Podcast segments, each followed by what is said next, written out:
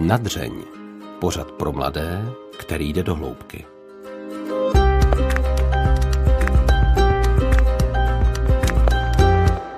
Skupina deseti lidí sedí vedle sebe v kruhu. Jeden z nich zrovna čte z kartičky. Co pro tebe v životě znamená láska? Brzy se ostatní dozví, jak zrovna nedávno začal s někým chodit a další detaily z jeho života. Na první pohled to působí, že spolu mluví blízcí přátelé. Tito lidé se však vidí poprvé v životě. Přesto však spolu sdílí své osobní věci a niterné prožitky. Takhle nějak vypadá setkání smysluplných rozhovorů. Nápad, se kterým přišel Vítek Novotný, kterému před pár lety přestalo dávat smysl v životě řešit nedůležité věci. Proč je podle něj podstatné se sdílet a bavit se o hlubokých věcech? Proč každý den dělá tři věci, ze kterých má strach? A jak se vyrovnal ve 20 letech se smrtí svého táty? Povídala jsem si s ním já, Alžběta Havlová, a viděla jsem, že nad každou otázkou se tenhle mladý muž opravdu zamýšlel. Bylo poznat, že nejen své odpovědi bere opravdu vážně. A to my v nadření máme rádi. Přeji vám příjemný poslech. Vítku, kdy jsi naposledy někomu, pokud nepočítám tedy ty smysluplné rozhovory, položil opravdu hlubokou otázku? Hmm. Já jsem se teď vrátil z jedné akce, která se jmenovala Vlastní cestou a tam jsem pokládal a sám sobě i, i ostatním docela hluboké otázky často, protože tam šlo o to, aby si každý našel nějaký to svoje vnitřní, kam ho to táhne a nějaké své směřování a tam je důležitý podle mě si pokládat hluboké otázky. Mm-hmm. A pokládal jsem je asi nejvíc sám sobě. A co třeba považuješ za smysluplnou nebo hlubokou otázku? To je těžký říct tohle, protože pro mě záleží spíš na odpovědi. Já dokážu odpovědět, nebo myslím si, že člověk dokáže odpovědět na otázku, jak se máš smysluplně a hluboce, a nebo na ní dokáže odpovědět úplně povrchně. Takže spíš než otázka je to pro mě odpověď. A nepřichází to až moc z čistého nebe, že za někým přijdeš a položíš mu prostě nějakou otázku života a smrti? to je dobrá otázka. Já už vlastně nedokážu ani posoudit, jestli nejsem pro ty lidi třeba otravnej, anebo, nebo, nebo samozřejmě vidím nějaké reakce, ale uh, moje vnímání otázek už je asi trošku posunuté od té doby, co dělám ten projekt. Takže mm, může to být pro některé lidi uh, moc a v tu chvíli já je netlačím nikam, nikam dál, aby mi odpovídali. Ale myslím si, že tak nějak ještě pořád mám dost empatie na to, abych dokázal odhadnout, jestli ten člověk uh, chce na to odpovídat nebo ne. A já jako nejsem takový, že bych pořád jenom mluvil nějak smysluplně a pořád uh, do těch lidí hril nějaké hluboké otázky, ale spíš, uh, spíš se s nima normálně bavím a když tam pochytím něco, na co bych se chtěl doptat, tak uh, spíš jsem ztratil ten ostych, jako se doptat, protože věřím tomu, že když ten člověk něco zmíní v tom rozhovoru, tak je připravený o tom nějakým způsobem uh, mluvit a že po většinou je spíš chyba se ho na to nezeptat. A proč si myslíš, že se lidi bojí se ptát na nějaké otázky, třeba po smyslu nebo hlubší otázky?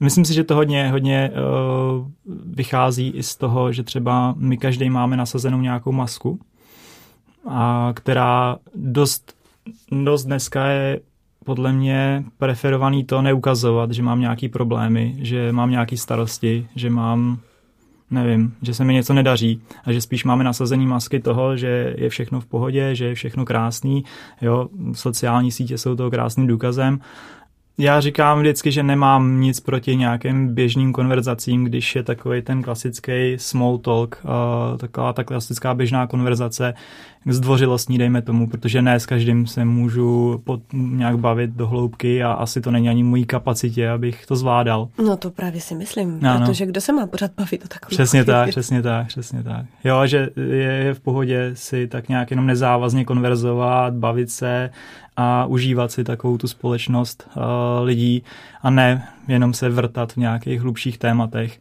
Na druhou stranu si myslím, že uh, vrtat se v těch hlubších tématech je i důležité a nemělo by to z našich životů vymezet. No a tak eh, teď, kdybych se tě teda zeptala znovu, tak máš pocit, že to mizí?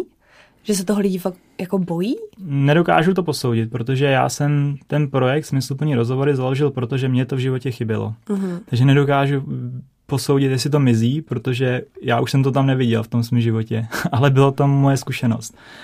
Ale co se tak domnívám, tak je, že ta rychlost, ve které žijeme, eh, nám vlastně úplně nepouští do těch hlubších konverzacích, protože ta konverzace se dost často stává jenom nějakou výměnou informací, protože potřebujeme být efektivní, eh, vyměňujeme si nějaká fakta, vyměňujeme, co potřebujeme udělat, eh, kdo to potřebuje udělat, jak to potřebujeme udělat a na nějakou hlubší konverzaci my potřebujeme víc času. A ono možná pro spoustu lidí to může znamenat, že to je neefektivní a že to je ztráta času. Takže tady z toho hlediska si myslím, že to mizí nějakým uh-huh. způsobem a že ty lidi nemají tolik příležitostí, protože máme spoustu zdrojů i nějakých externích zábavy, kdykoliv se cítím třeba sám, uh, tak si zapnu YouTube, zapnu si Netflix, zapnu si nějakou muziku a nemám ten důvod, když nechci, tak uh, nemám ten důvod přemýšlet, přesně tak. Uh-huh.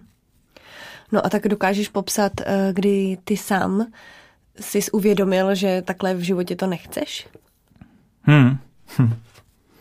Já jsem to dlouho cítil. Dlouho jsem to cítil, že mm, nemám až takový spojení s lidmi, kterými byli blízký. Měl jsem okolo sebe vždycky hodně kamarádů, naše rodina je jako hodně taková spojená, ale nikdy jsem měl pocit, že se nedokážeme bavit na té hlubší úrovni, na těch vnitřních světech, na to, co na tom, nebo o tom, co opravdu se vevnitř nás děje. Jo. A nedokážu asi přesně říct, kdy to bylo. Kdo jsem to začal vnímat třeba na vysoké škole, kdy jsme se pořád bavili s lidmi o tom, nebo se svými spolužáky o tom, že chceme dělat v kanceláři, chceme mít nějaký velký auta, chceme mít velký baráky a já jsem to tak vůbec neměl vnitřně. Akorát jsem se jako nechtěl odlišovat, tak jsem se o tom taky bavil o takovýchhle věcech. A tam mně přišlo, že vlastně se strašně odlišuju a připadal jsem si nějakým způsobem i divnej, eh, že, že to mám jinak než ostatní. A jak teda ta cesta potom pokračovala? Hmm. Potkal jsi třeba někoho, kdo tě oslovil, anebo to prostě přišlo všechno ze tvé hlavy? Hmm.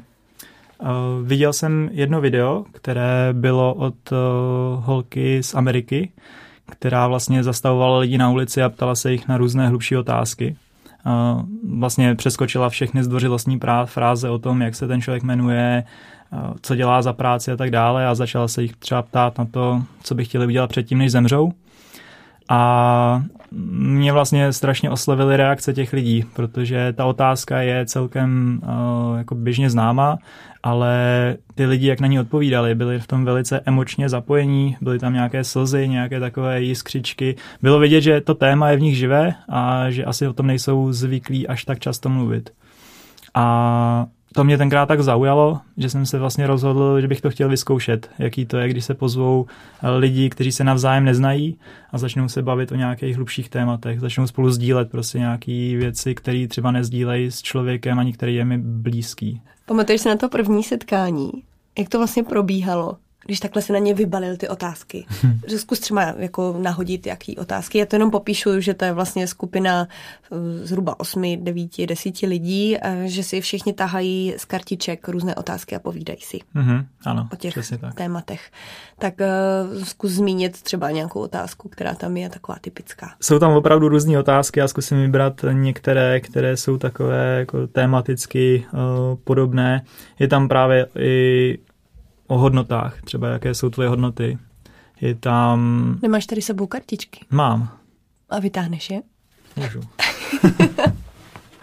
Samozřejmě neprozradíme všechny, to by potom ztratilo smysl, smysl plných rozhovorů. No, tak tady jsou. Můžeš si Bětkovi vytáhnout. Dobře, tak já si vytáhnu. Smysluplné rozhovory. Kdybys měl tu možnost prožít něco znovu, co by to bylo? Bys mohl tvořit náš podcast na dřeň. se ptáme na podobné věci. No, uh, tak nevím, jestli vám odpovědět. Zkus odpovědět ty. No, uh, bylo by to asi hodně věcí, ale dost často, když je tady ta otázka, tak mě napadá mm, situace, když jsem byl malý a když byly Vánoce a já jsem jako jedináček. Takže u nás se vlastně sešly všechny babičky, dědové a rodiče samozřejmě a seděli jsme všichni u toho večerního stolu a já jsem si toho tenkrát samozřejmě nevážil, čekal jsem, kdy budou dárky a byl jsem velice netrpělivý, až uh, půjdu rozbalovat. Nicméně teď, když to vidím zpětně a bohužel ty lidi uh, u toho stolu jakoby ubývají uh, na každý Vánoce, tak uh, si říkám, že by to bylo fajn zažít znova a znova je vidět a mhm. popovídat mm-hmm. si s nima. Hmm. Mě u toho napadla, že bych chtěla, napadlo, že bych chtěla prožít znovu svoji svatbu, která, která byla moc pěkná. No, tak uh, jak to tady bylo poprvé? Mm-hmm. Bylo, to, jako bylo to třeba něco překvapivého pro tebe, že to opravdu funguje? Jo, jo. Uh, já jsem do toho šel s nějakými obávami a pochybnostmi, že ty lidi vlastně vůbec přijdou. Překvapilo mě, že se přihlásili popravdě. Potom mě překvapily hodně ty jejich reakce. Za prvý, jak se otevřeli, jak byli schopní říct lidem, které předtím v životě neviděli, tak nějaké hlubší věci. Jak dokázali sdílet trošku ty své vnitřní světy a nechat nás, cizí lidi, nahlédnout do nich. Mm-hmm. A potom byla velice zajímavá reakce toho, že mm, dost lidí mi sdílelo, že najednou mají pocit, že ty lidi, které viděli třeba tři hodiny, tak najednou znají, nebo mají pocit, že znají třeba už mnohem déle. Jsou tam třeba lidé, kteří mají problém se otevřít? Hmm. Jako zažil si fakt nějakou proměnu toho, že ty lidi říkali, ne, já prostě si myslím, že to hmm. nezvládnu a na konci prostě třeba fakt došlo k nějakému hlubokému otevření. Hmm. To jsem zažil. To je pravda, že jsem zažil, protože většinou funguje všude, že když se někdo otevře, tak ty máš tu tendenci se potom otevříš taky, že tam funguje nějaká takováhle jako reciprocita, že ty najednou získáš důvěru, že ten člověk ti ukázal, že je zranitelný, ukázal ti nějaký svůj vnitřní svět a ty máš potom chuť sdílet s ním i ten svůj. Takže uh, tady těm věcem, kdy lidi často nevědí vůbec, co od toho mají očekávat a nevědí, jestli budou povídat, anebo jestli budou poslouchat a vlastně oboje ty varianty jsou v pořádku, protože každý si z toho bere něco svýho. Ale určitě se mi stalo i to, že spousta lidí říkala, že nebudou chtít odpovídat, že přišli se třeba jenom na to podívat a nasát tu atmosféru a potom vlastně tak nějak přirozeně začali sdílet i ten svůj, i ten svůj život, i své příběhy. Mm-hmm ty studuješ eh, nebo ty děláš psychoterapeutický kurz, tak z toho terapeutického hlediska, co je dobrého na tom sdílení se? Hmm. A vytahování třeba těžkých témat. Hmm. Já k tomu vždycky používám takové to eh, známé přísloví sdílená radost, dvojnásobná radost, sdílené utrpení, poloviční utrpení. Že my jako lidi, ač eh, se tváříme teď hodně jako individualisti, tak pořád jsme vedení k tomu, aby jsme žili ve společenství, aby jsme měli dobré vztahy eh, s ostatními lidmi. A i různé studie ukazují, že na konci toho života eh, to, co hodnotíme a to, co ovlivňuje tu kvalitu našeho života, je povětšinou kvalita našich vztahů. Takže si myslím, a právě tady to sdílení těch, eh, těch věcí, těch svých příběhů a těch svých vnitřních světů, tak nám dokáže navázat to opravdové spojení s tím člověkem, s druhým, což nám potom přináší nějakou radost, eh, nějaký pocit sounáležitosti, eh, empatie s tím druhým člověkem a myslím si, že to je v našich životech opravdu důležité. A jde jít do hloubky na příkaz? Jde to prostě fakt udělat organizovaně tak, že si sedneme a teď si budeme povídat o hlubokých věcech. No asi jde, když ten projekt nějak funguje. Tak. Akorát tam to není na příkaz, tam už vlastně uh, ty lidi přijdou s tím, že ta myšlenka nějakým způsobem zaujme, oni projdou několika kroky. Nejdřív to najdou někde na internetu popis, potom si vlastně rozkliknou nějakou přihlášku, přihlásí se, potom tam ještě musí dojít. Takže oni vlastně už se jakoby tak kontinuálně připravují na to, že asi tam uh-huh. něco takového bude no a ale... přitáhne to vlastně ty lidi, kteří chtějí asi, nebo je to mhm. nějakým způsobem táhne uh, se takhle povídat a přitáhne ta událost. Takže na příkaz, kdybych přišel tady k někomu a řekl mu, teď si se mnou pojď hluboce povídat, tak si nejsem úplně jistý, jestli by to fungovalo. Řešíš tam někdy svoje problémy? Určitě. Jo? Není to takový ten uh, typ té role, že jsi ten terapeut a oni jsou lidé, kteří z toho účastní a ty jenom to koordinuješ, otevíráš Vůbec ne. se. Vůbec ne, ano, ano, ano. Eh, pro mě je to, já tomu říkám, že pro mě je to taková osobní terapie mm-hmm. a možná eh, je dobrý říct, že já jsem předtím byl člověk, který byl absolutně uzavřený. Já jsem si všechny své problémy a všechny nějaké eh, věci, které mě trápily, tak jsem si řešil v sobě, jenom v sobě a bral jsem vlastně jako slabost uh, říct to někomu jinému, říct si o pomoc a takovéhle věci. A pro mě ty smysluplné rozhovory byly vlastně prostředek k tomu, že jsem se učil říkat ty věci, říkat to ven. A i to, co mě těší, i to, co mi dělá velkou radost, ale i to, co mě trápí, i to třeba, když jsem zjistil o sobě něco trošku negativního, tak říct to těm lidem, jak otevřít se, být zranitelný. To pro mě je opravdu, pořád se to učím, už se to snad zlepšilo, ale, ale z, toho hlediska mi to přineslo strašně moc. Uh-huh. A jaké jsou toho ovoce, tady té tvé změny v hm. tobě? Hmm. Žije se ti líp? Já si myslím, že ano. Já si myslím, že ano. Uh, vidím tady v tom obrovskou změnu a vidím i změnu vlastně na svých vztazích okolo sebe, protože já najednou jsem začal jako říkat, jak to opravdově mám a začal jsem takovou tu svou opravdovost víc ukazovat světu. A to potom máš vlastně pocit, že ti někdo řekne třeba, ty si řeknu příklad, myslíš si o sobě, že jsi uh, divná, protože něco, tak to, a řekneš to někomu, uh, odvážíš se to někomu říct a on, ten člověk řekne, no já to mám taky. Mm. A najednou vidíš, že nejseš sama. Najednou máš někoho, kdo to má stejně a najednou si připadáš, že patříš do toho světa. Mm-hmm. No a ještě nějaké jiné praktické dopady to má? Eh, změnil jsi ještě něco jiného ve svém životě? Mně se stalo v životě uh, několik věcí a jedna z věcí, která byla taková, změnila směr uh, mýho života, bylo, když mě umřel táta. A já jsem vlastně najednou zjistil, že člověk je smrtelný a že to může přijít kdykoliv, protože to byla tragická smrt. A uh, najednou jsem měl ve 20 pocit, že nejsem nesmrtelný a že vlastně teď tady jsem a za okamžik tady být nemusím. A že opravdu strašně záleží na tom, čemu já ten čas věnuju. Uh, jeden z mých největších strachů je, že budu odcházet a budu si říkat, že jsem věnoval čas něčemu, co za to nestálo. A na tohle já hodně myslím. Uh, snažím se podle toho řídit a řídit i svůj život. A pak vlastně, když eh, pomocí těch smysluplných rozhovorů já se snažím nacházet, co, co je tak moje, co bych chtěl dělat, co mě přitahuje a co mi naopak smysl nedává a to, to opouštět.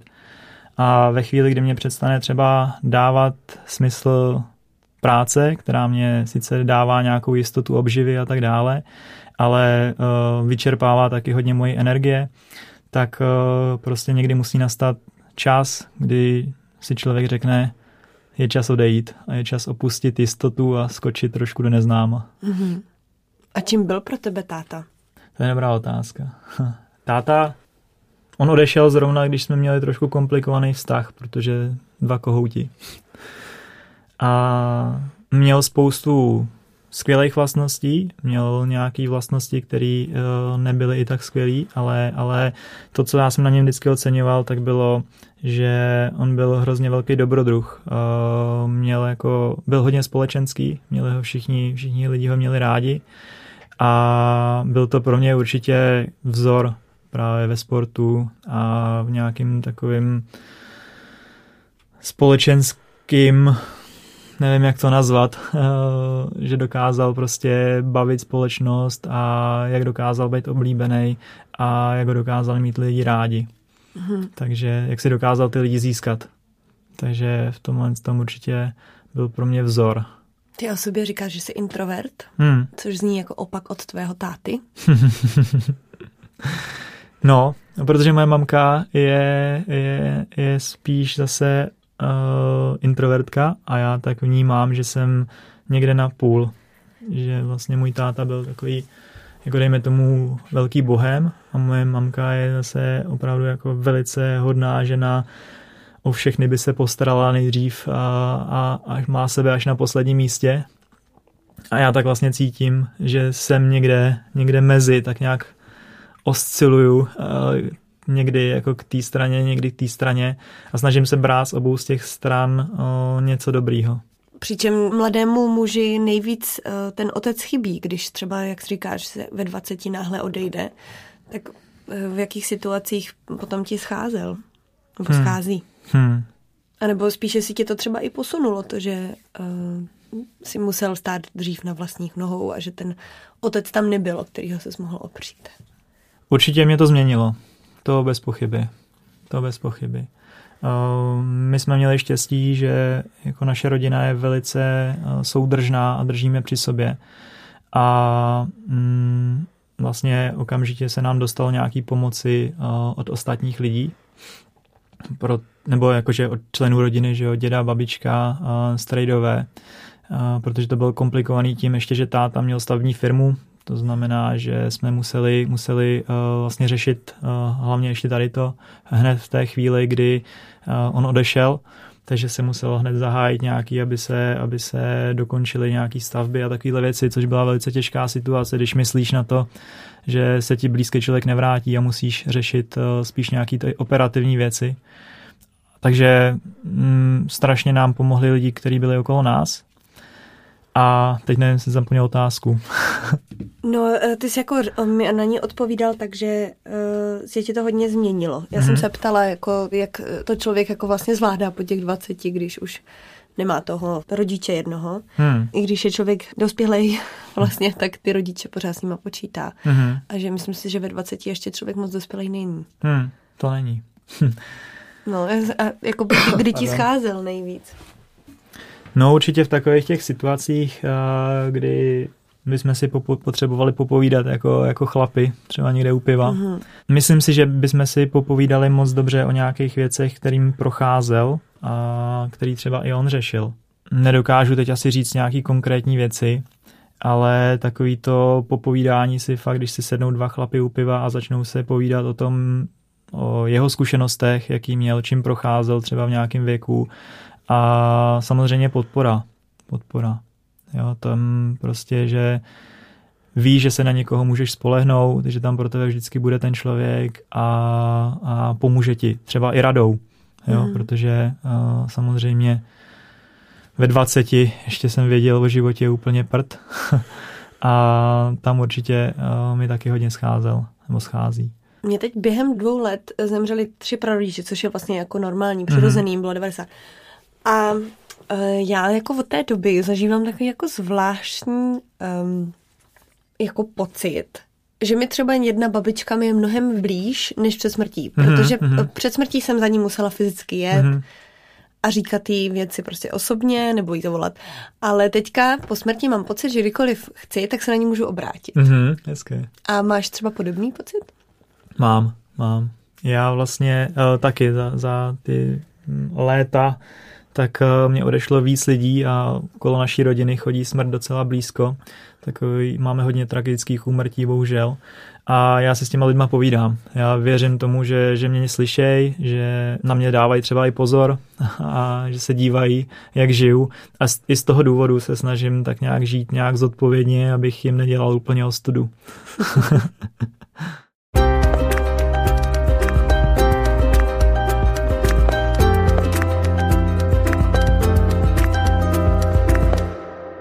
ještě napadá s tím tátou a to možná jako je možná myšlenka úplně vedle, ale stejně. Není to třeba tak, že když ten táta tam nebyl a třeba byl pro tebe nějakým vzorem a udával nějaký směr tvýho života, tak když odešel, takže jsi třeba říkal, že, bys, že si konečně můžeš dělat, co chceš? no, já myslím, že ne, že já jsem měl docela benevolentní výchovu mm-hmm. a já jsem si víceméně mohl být, no, dělat, co, co jsem chtěl v úvozovkách samozřejmě. Já v sobě mám takový vnitřní pnutí, že když něco chci udělat, tak to prostě musím udělat a, a nikdo mě nezastaví víceméně. A myslím si, že tohle to mám třeba po tátovi, takže mm. on jakoby cháp, si myslím, že by chápal velice dobře nějaké věci, které třeba jsem v životě udělal. Vnitřní pnutí, to mě zajímá. to... co, co tě třeba to vnitřní pnutí už donutilo udělat? No, jsou to ty smysluplný rozhovory třeba. Mm-hmm. To, je, to je velice dobrý příklad, protože já jsem měl vždycky strach mluvit před lidma, nějakým způsobem se prezentovat, vystupovat z toho davu a mluvit jako k lidem třeba nějakým způsobem. Ale mám vždycky v životě něco, co mě zaujme a vím, že kdybych to neudělal, tak toho budu strašně moc litovat. A vlastně to pnutí je mnohem silnější než ten strach. To se hodí. To se hodí, ano, ano. Jsem za to rád. Jsem za to rád. No a myslíš, že třeba uh, i dejme tomu to, že ti táta odešel ve 20, tě nutí vlastně ten strach překonávat a spíš následovat to, tu svoji touhu? Jakože si uvědomuješ, že prostě tady jsme jenom jednou? Určitě, určitě. Měl jsem to v sobě už i předtím, ale uh, to, co se stalo, to asi zesílilo ještě. Pro mě je strach obrovsky důležitý téma v životě a ta práce se strachem mi definitivně změnila hodně život. Ty děláš třikrát denně něco, čeho se bojíš. Děláš to opravdu každý den? Dělal jsem to dřív, mm-hmm. hodně zodpovědně. Třeba rok mám deník napsaný, kdy jsem měl každý den napsaný tři věci, které jsem udělal a kterých jsem se bál. A teď už to nedodržuju tak stabilně, ale pořád mám, před spaním si říkám nějakou mantru k tomu, aby mě, abych dělal věci, ze kterých mám strach, protože, a nemyslím to tak, jako že skočím z okna, ale myslím to tak, kdy má strach to ego spíš, že bude nějakým způsobem ublíženo, že se někde strapním, že uh, budu mít nějaký neúspěch. Protože si myslím, že ten strach je strašně důležitý překonávat. Mm-hmm. Že to je mhm. nějaká, nějaká směrovka k tomu, když mám z něčeho strach, tak uh, zatím je pravděpodobně něco, co chci, po čem toužím nebo něco ve mně, po čem touží. Co jsi takhle překonal třeba hmm. za ten rok? Tenhle rok? No, z- za ten rok, za co jsi to dělal, tak aha, co, jsi, co jsi takhle překonal díky tady této, té, tomuto předsevzetí? Mm-hmm, mm-hmm. Uh, nepamatuju si už přesně, ale um, ono zase si člověk nemusí představovat, že to jsou nějaké velké věci každý den, ty tři. Může to být, uh, že třeba zavoláte někomu, komu nechcete volat, a protože máte z toho nějaký blbý pocit, e, myslíte si, že třeba bude nějaký problém nebo něco takového. A může to být to, že mm, projdu někoho, okolo někoho na ulici, ten člověk je mi sympatický, a tak já mu řeknu ahoj, nebo dobrý den, nebo jak se máte. A jsou to takové jako fakt drobnosti, které, které potom ale dělají, že vás to, nebo aspoň mě, to nahazuje na spirálu dělat věci, ze kterých mám strach. To znamená, že když přijde ten strach, tak já mám potom tendenci jít proti němu a ne, ne uh, utíct od něj. A velké věci, uh, může to potom dojít k tomu, že já jsem se třeba strašně dlouho bál si říct o víc peněz v práci, tak uh, postupně tady tím jsem se dostal k tomu, že jsem si řekl víc peněz v práci, což taky není úplně nějaká velká věc, ale může to dojít k tomu, že dáte výpověď, uh, může to dojít k tomu, že oslovíte holku na ulici, která se vám líbí a vy to uděláte. A už to neděláš? Dělám, dělám, ale už si to jako nepíšu tak pravidelně. Jo. Snažím se na to myslet a snažím se vnímat pořád ten pocit, když mám strach, tak uh, si říct, jo, to je, to je asi, to bych měl udělat, uh-huh. ale už to nemám tak striktně, že bych, uh, že bych si to každý den psal. Uh-huh. A oslovil jsi takhle někdy holku? Oslovil. A máš ji? Uh, už ne, už ne. Ale, ale byli jsme spolu asi rok hmm. a byla ta skvělá holka. No, tak říkáš, že si dal výpověď v práci. Od 1. července si tedy na volné noze. Jaký to je pocit? Ono ani, že bych dal výpověď, eh, ono to byla spíš taková vzájemná dohoda. My jsem to popisoval jako takový přechozený vztah, kdy jsme si obě strany řekli, že už, už jako stačilo. Aha. Takže, takže uh, ale ta situace je taková, že vlastně teď jsem, ano, nezaměstnaný, nebo respektive pracuju, pracuju na sebe a dělám si svoje projekty, který, uh, na kterých už jsem pracoval jako dlouho, dlouho předtím a vnímám to tak, že prostě tu energii, kterou jsem do toho vložil, tak se mi teď nějakým způsobem vrací, že jsem schopný se s tím nějakým způsobem uživit, aniž bych e, potřeboval teď hned nastupovat do nějakého nového zaměstnání. A jaký byl ten skok do toho neznáma? Z nějakého pracovního úvazku do hmm. nezaměstnanosti, po případě volné nohy? Volné nohy, ano. Ku podivu celkem pozvolný. Uh, nemám Neměl pocit. Jsi strach? Mám samozřejmě nějaké pochybnosti a o ztrátě jistoty a, a takovýchhle věcech, ale přijímám to tak, jak to je a tak nějak si říkám, že, že žádný rozhodnutí nebo málo rozhodnutích je úplně nevratných a že pokud bych potřeboval, tak se to určitě nějak udělá. A na co se v životě teda můžeš spolehnout? Ty, jako Vítek. Hm. Protože ty hodně pracuješ se svou myslí, uh, celkově jdeš do hloubky, Hmm. ale o co se opíráš? Hmm. Snažím se, abych se mohl opřít o sebe, a, ale hodně se opírám i o myšlenky různých jako filozofických směrů.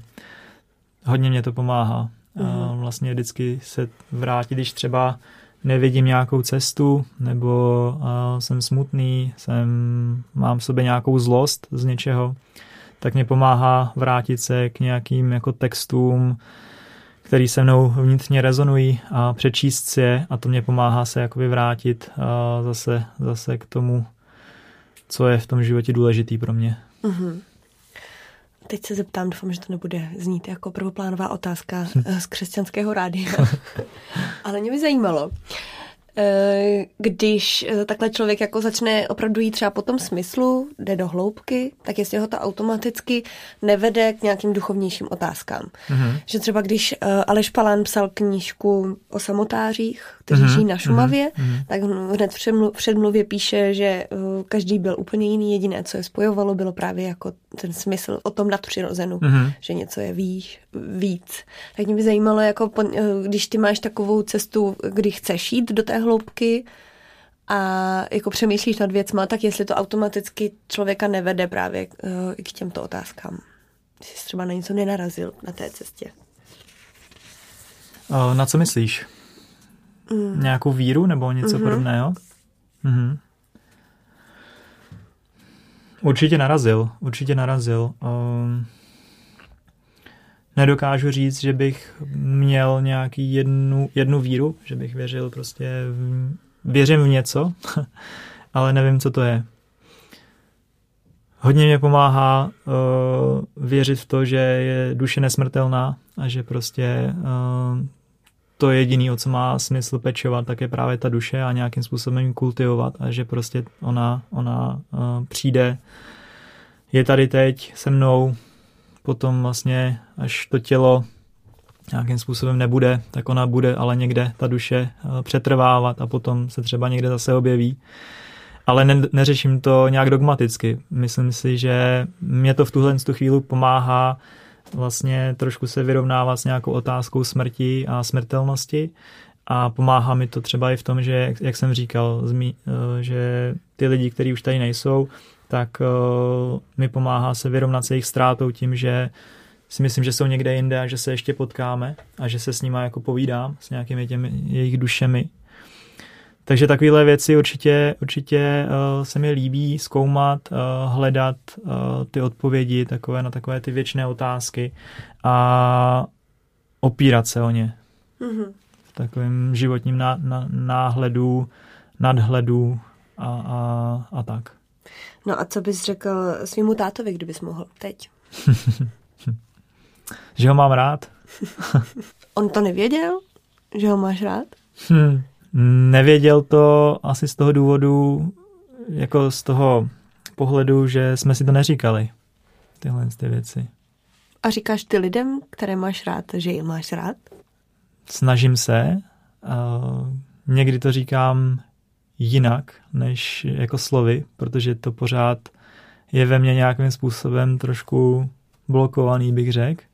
Takže někdy to napíšu, někdy, někdy to udělám. Mm, asi, asi znáš, jo, třeba knížku, která se jmenuje Pět jazyků lásky. No, jo, tak uh, já jsem hodně, hodně člověk, který ukazuje tu lásku jako činem.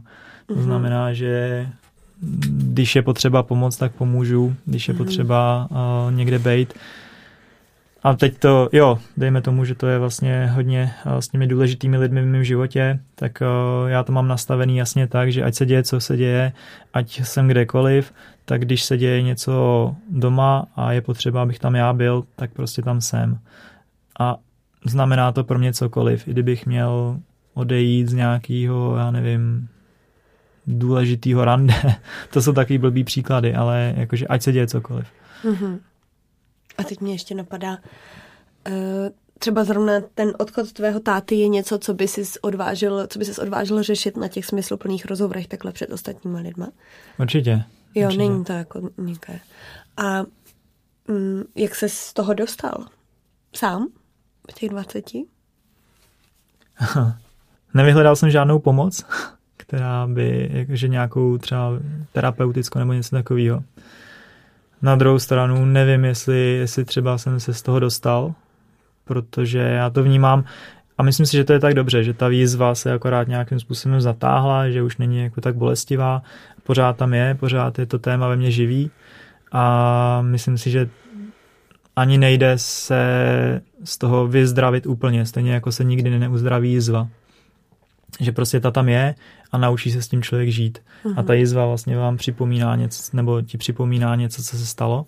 Tak uh, já mám takovouhle jizvu na duši a ale jsem rád, že tam pořád je, protože si samozřejmě chci, chci tátu i ostatní, kteří odešli, tak pořád jako připomínat. Hmm. A nechci, aby, abych vlastně do tom, o tom dokázal mluvit bez uh, jakýkoliv emoce, protože to mi přijde, že hmm, bych potom ztratil ten kontakt s nima. A bojíš se v životě překážek nebo nějakých problémů, které přichází? Asi mám určitě nějaké strachy ohledně, ohledně toho, co přijde a ohledně překážek. Na druhou stranu život bez překážek a lehká cesta podle mě nikam moc nevede. Že právě to překonávání překážek tak tě učí všechno, co jsem se naučil víceméně, nebo většinu věcí, které jsem se naučil a které se mě v životě hodí, tak je, že jsem překonával nějaké překážky. A jak se říká, je třeba ocenit ty překážky na své cestě, protože jsou to ti nejlepší učitelé. A my se ještě vždycky našich hostů ptáme, co by řekli sami sobě, eh, kdyby jim bylo znovu 20? uh, já si myslím, že bych si řekl, abych šel víc svojí vlastní cestou. Já jsem se z mýho pohledu teď, a je to, je to asi přirozený, každý má nějaký své vlastní tempo, ale já jsem se dlouho snažil zapadnout. Snažil jsem se žít tak, jak to ode mě očekávalo okolí, jak to ode mě očekávala ta společnost, nebo aspoň jak já jsem to vnímal. A trošku jsem mm, dával do ústraní sebe. A tak bych si řekl, ať o, jako se nebojím žít víc podle, podle sebe a víc věřit v sebe i v život. Vítko, já tě poprosím, aby jsi na závěr vytáhl nějakou otázku ještě svoji. Dobře, tahám. Co by se mělo stát, aby byl dnešní den skvělý? No. Nic mě nenapadá. Nic mě nenapadá. Protože jsem se dneska dobře vyspal, teď jsme měli velice příjemné popovídání a možná tahle otázka mě vždycky vede k tomu, že uh, oceňovat ty, ty maličkosti a ty obyčejnosti lidského života. Takže neumím si představit, co by se mělo víc stát, aby byl dnešní den skvělý. Tu otázku jsem tam nenastrčila já. tak Vítku, já ti moc děkuji, že jsi byl hostem pořadu na tři. Já ti děkuji Ať za pozvání. Se ti daří. Díky. S Vítkem Novotným si povídala Alžběta Havlová. Za zvukovou režii děkuji Antonínu Kánskému. Naslyšenou za 14 dní.